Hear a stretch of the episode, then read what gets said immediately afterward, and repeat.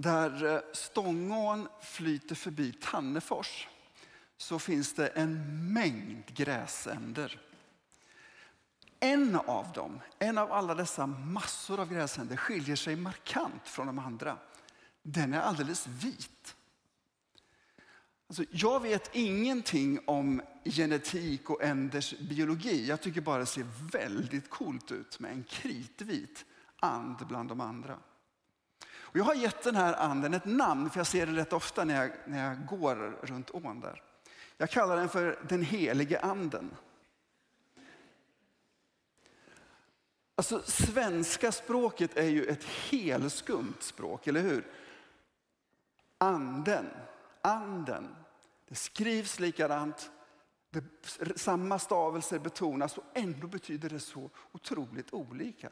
Jag tycker att man kan i vissa avseenden säga att svenska är ett tonspråk. Även om det inte riktigt är kanske kantonesisk omfattning av tonspråkligheten. Det kan inte vara lätt att lära sig det här språket. Tänk dig själv att du läser en text där det plötsligt står så här.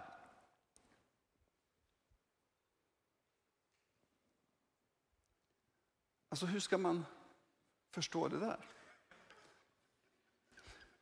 Eller hur? Det är helt obegripligt. Man måste säga det. Står det tanken eller står det tanken?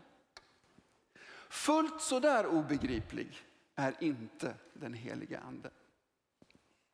Eller den heliga anden heller för den delen. Under det här året, Eh, 2021, så har vi till och från stannat till vid olika fraser i olika trosbekännelser. Och för, för två veckor sedan så inledde IA temat Vi tror på den heliga ande. Idag ska vi stanna inför en ganska välkänd text i Nya Testamentet, Apostlagärningarna 1 och 8. Vi läser. Men ni ska få kraft när den heliga anden, den heliga anden kommer över er och ni ska vittna om mig i Jerusalem, i Judeen och Samarien och ända till jordens yttersta gräns. Idag så ska vi inte fokusera på den här sändningens, den här missionens omfattning. Hur frestande det än är för mig att göra det. Eh, och vi ska inte heller fokusera på vad den här kraften består av, för det har ni redan hört. Det kan vara under, och tecken och mirakler. Det kan vara eh, en uthållighet att hålla på år efter år. Det kan vara en maning i ett samtal. Utan idag vill jag stanna till vid två saker här. Kraftens, den här kraftens källa och den här kraftens riktning. Ni ska få kraft när den helige ande kommer över er. När kommer kraften? Varifrån kommer kraften? Från den helige ande. Och den helige ande är Gud själv. Alltså det här är svårt att omfatta. Det är Gud själv, himmelens och jordens skapare, som kommer över oss och ger oss kraft. Det är inte någonting annat, det är inte någonting vid sidan av, det är inte en liten del av Gud. Det är Gud själv som kommer över oss och ger oss kraft. Det är makalöst. Den Gud vars allmakt vi ser i skapelsen och vars ansikte vi ser i Jesus Kristus. Det är han som kommer över oss genom den helige ande. Det är Gud som är kraftens källa. Jag byter till handmick tror jag.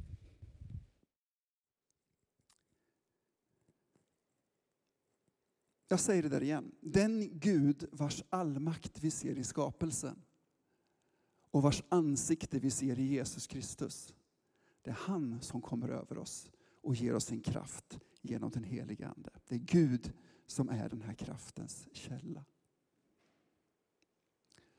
Det betyder också att vi kan inte styra över eller förutsäga hur och när Guds ande kommer över oss och ger oss kraft.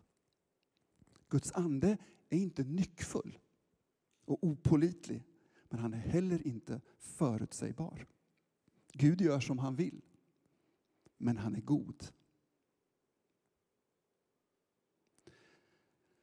Vi ska få kraft när den heliga Ande kommer över oss och ni skall vittna om mig, säger Jesus. Vi tänker ibland på anden som någonting som åstadkommer en, en gudsnärvaro i våra samlingar och kanske skapar en andlig atmosfär.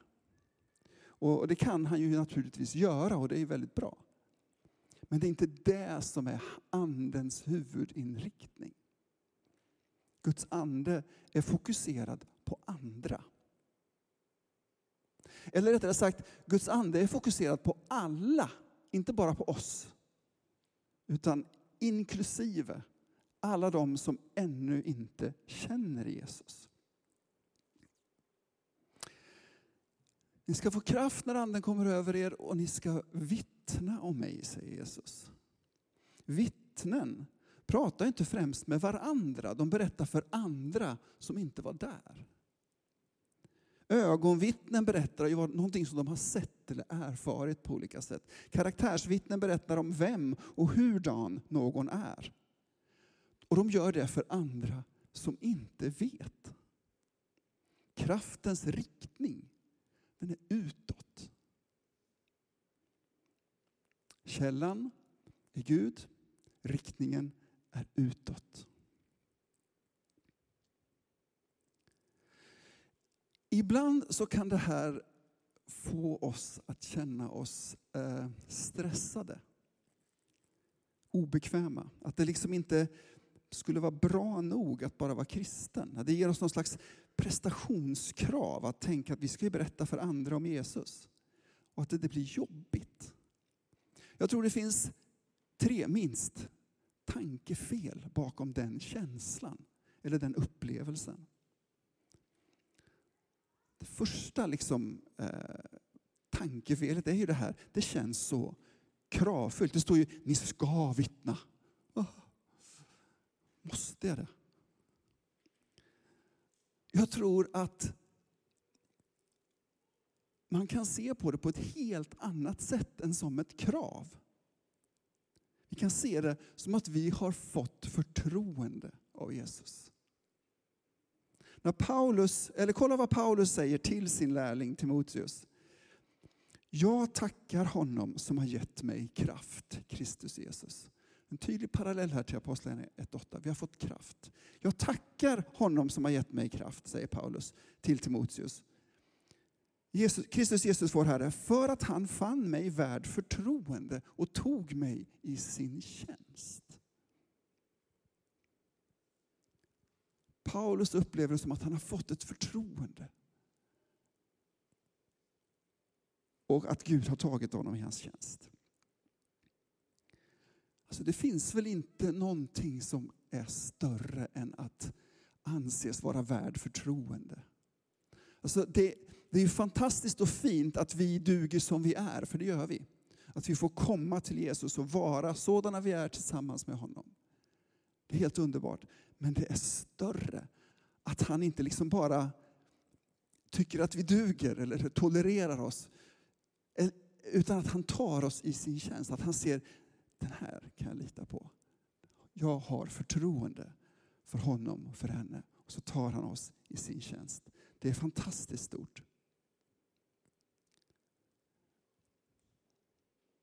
Vi är både kallade till att vara med Jesus och sända av honom till andra.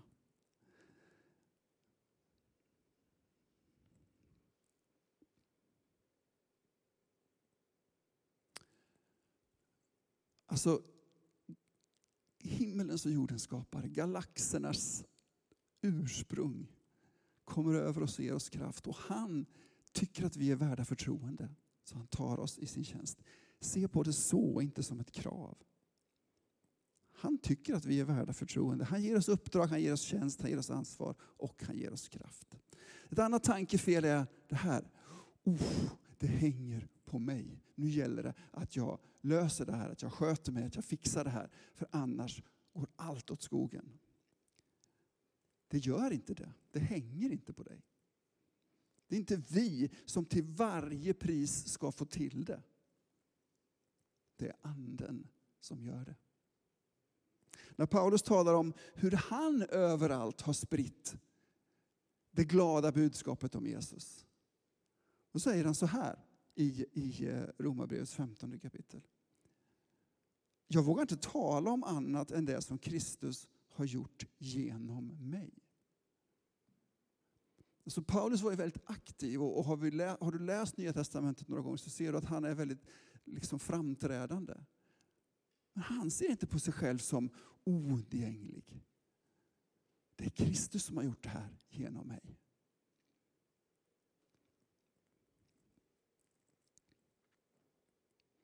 Men om det då är Gud som gör allt det här, om kraften kommer från honom, det hänger inte på oss. Vad blir människans uppgift då? Ska vi bara vara en passiv liksom, tratt som Gud häller grejer i som rinner igenom? Nej, Kristus har gjort det här genom mig, säger Paulus. Magnus Malm har citerat en munk vars namn jag har glömt som när han fick den här frågan, om nu, om nu allt hänger på Guds nåd, om det är nu Gud som är initiativtagaren, vad är människans roll då? Munken funderar och säger, ja, det är att sluta säga nej. Det är vår främsta roll. Sluta säga nej. Tredje feltänket, det kanske finns fler, men det här är de som jag tänker på. Och det här är ett av de vanligaste, men jag har ju inget att säga. Vad då vittna om Jesus? För jag har, ingenting, jag har ingenting att berätta. Vi dissar våra egna berättelser. Vi tycker inte att de är viktiga, inte värda så mycket. Vi kanske, vi kanske har hört dramatiska, fantastiska historier om, om eh, hur människor har kommit till tro eller hur de har blivit helade. Och så tänker vi att jag har ju ingenting att komma med. Det jag har varit upplevt det står sig ju slätt bredvid de här andra. Det låter, ibland låter vi lite grann som, som Mose gjorde när han tjafsade med Gud. Gud hade gett honom ett uppdrag, ett enormt uppdrag som ingen av oss kanske är avundsjuk på. Står det så här i Andra Mosebokens fjärde kapitel, när, när liksom, det är en otroligt komisk dialog mellan Gud och Mose. Då säger Mose så här vid ett tillfälle, Um, förlåt din tjänare Herre, men jag har inte ordet i min makt. Det har jag aldrig haft, inte heller sedan du talat till mig. Orden kommer trögt och tveksamt. Och så fortsätter det, uh, det här tjafset lite senare. Alltså I det här sammanhanget så är det nog så att Mose har ett talfel. Det är inte det att han inte har någonting att berätta, men han, han kan inte. Och vi är lite liknande. Vi kanske kan prata. Men vi tycker inte att vi har någonting att säga. Så vi dividerar och diskuterar med Gud. Grejen är att du har en berättelse. Jag tror till och med att du har flera berättelser. Om vad Gud har gjort eller fortfarande gör i ditt liv. Ibland tänker vi på vittnande som att det måste vara ett det måste vara slagkraftigt, det måste vara fantastiskt, det måste vara liksom så här kvällstidningsrubrikaktigt. Och det måste vara liksom färdigt. Men jag tror att många av oss har pågående processer. Gud gör någonting i oss. Stort eller litet, färdigt eller inte riktigt färdigt än. Och det är det vi kan berätta om därför att det vittnar om vem Jesus är. Jag vill utifrån den här texten, första texten, Apostlagärningarna 1 och 8, utmana dig idag. Tänk igenom, vad har Gud gjort i ditt liv? Vad gör Gud i ditt liv? Stora saker, små saker. Jag sa ju tidigare att, att vittnen, ögonvittnen berättar någonting som de har sett.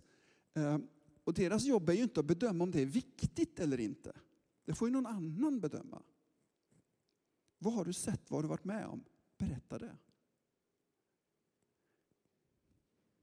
Utan att putsa på det eller förbättra det eller att anpassa det. Fundera på vad Gud har gjort eller gör i ditt liv. Koka ner det till en kort berättelse. Tänk, tänk 30 sekunder, nu blir det überkonkret här. Ägna tid åt att fundera på vad Gud har gjort. Koka ner det där till en kort berättelse Avsluta med en fråga. Öva på kristna i cellgruppen på, här, på, på kyrkkaffet. Öva, pröva. Och sen be Gud om tillfällen att få vittna. Han, han fixar tillfällena, han tar initiativet. Du ska bara sluta säga nej. Och berätta vad Gud har gjort och gör i dina liv. I ditt liv.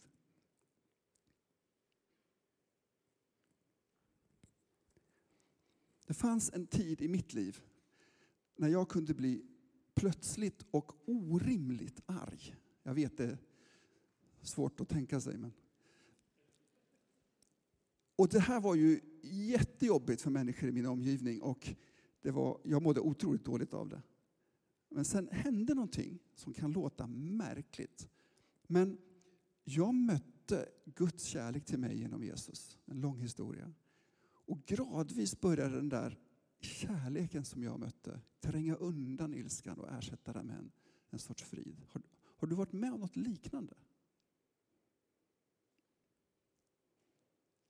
Eller, för några år sedan, många år sedan, så stod jag på en kulle utanför Linköping och tittade på en solnedgång. Och det var så vackert så det gjorde ont och helt plötsligt fylldes jag med en sån längtan efter Gud, efter att lära känna den Gud som står bakom det här, den här skönheten. Har du varit med om något liknande? Alltså våra berättelser kan vara korta, kan vara liksom övergripande eller superkonkreta. Grejen är att stanna till och fundera, vad har Gud gjort i mitt liv? Och koka ner det till en kort berättelse. Be att Gud ger dig tillfällen att vittna och se vad som händer. Till slut då. Det som händer i Apostlärningarna 1 och 8 det är att vi bjuds in att delta i Guds egen mission. Det är, det är Guds ande som är huvudpersonen, det är inte du. Han är initiativtagaren, han är kraftgivaren. Han är den som leder, den som slutför. Vi säger ja, vi följer med, vi deltar, vi samarbetar. Så vi samarbetar med den levande guden när vi berättar om Jesus. Amen.